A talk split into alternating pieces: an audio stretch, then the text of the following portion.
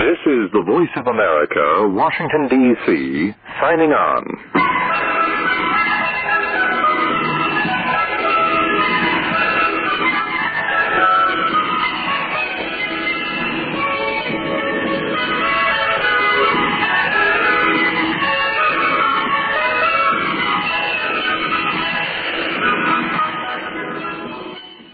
Šo intervāla signālu ar tam sekojošo marša melodiju Yankee Doodle pazīst klausītāji lielākajā daļā pasaules, un ne tikai nulle izskanējušajā angļu versijā. Savas pastāvēšanas laikā Savienoto Valstu starptautiskais sabiedriskais raidītājs Voice of America, Amerikas balss, ir raidījusi vairāk nekā 80 valodās un dialektos, un arī šobrīd turpina raidīt 47. Arī Latvijā, domājams, vēl ir visai daudz radioklausītāju, kuri atceras ikdienas sagaidīto uzrunu.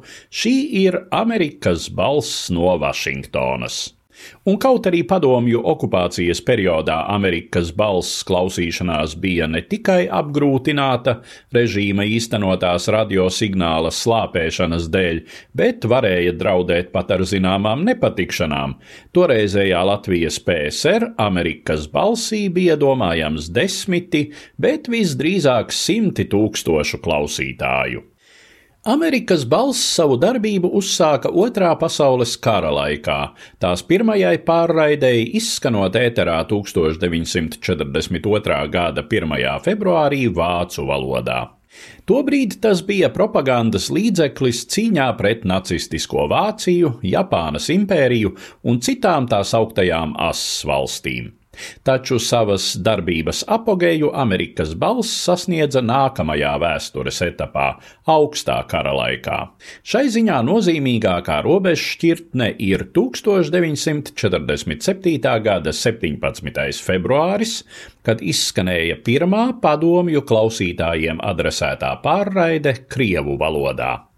Divus gadus vēlāk pārraides sāka Amerikas balss Ukraiņu dienests, bet 1951. gadā pievienojās vēl veselas septiņas toreizējai Padomju Savienībai pakļautu nāciju valodas - armēņu, gruzīnu, azerbaidžāņu, tatāru un arī trīs okupēto Baltijas valstu valodas.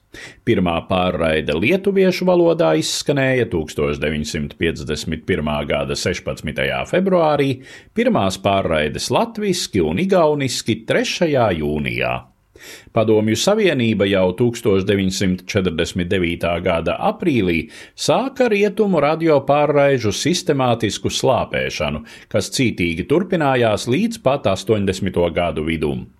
Tomēr pat padomju impērijai nebija tik daudz līdzekļu, lai noslāpētu visas nevēlamās pārraides visā plašajā teritorijā. Daudz maz efektīvi tas izdevās tikai lielajās pilsētās. Amerikas balss tapšanas brīdī un arī pastāvēšanas pirmajās desmitgadēs raidstacijas propagandiskais raksturs nešķita kaut kas apšaubāms.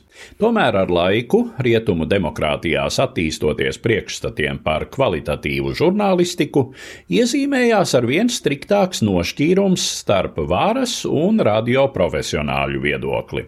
Zīmīgi, ka jau 1948. gadā tika pieņemts tās augtais Smita Munta akts, kas liedz no Savienoto valstu budžeta finansētām raidstacijām raidīt savas valsts teritorijā.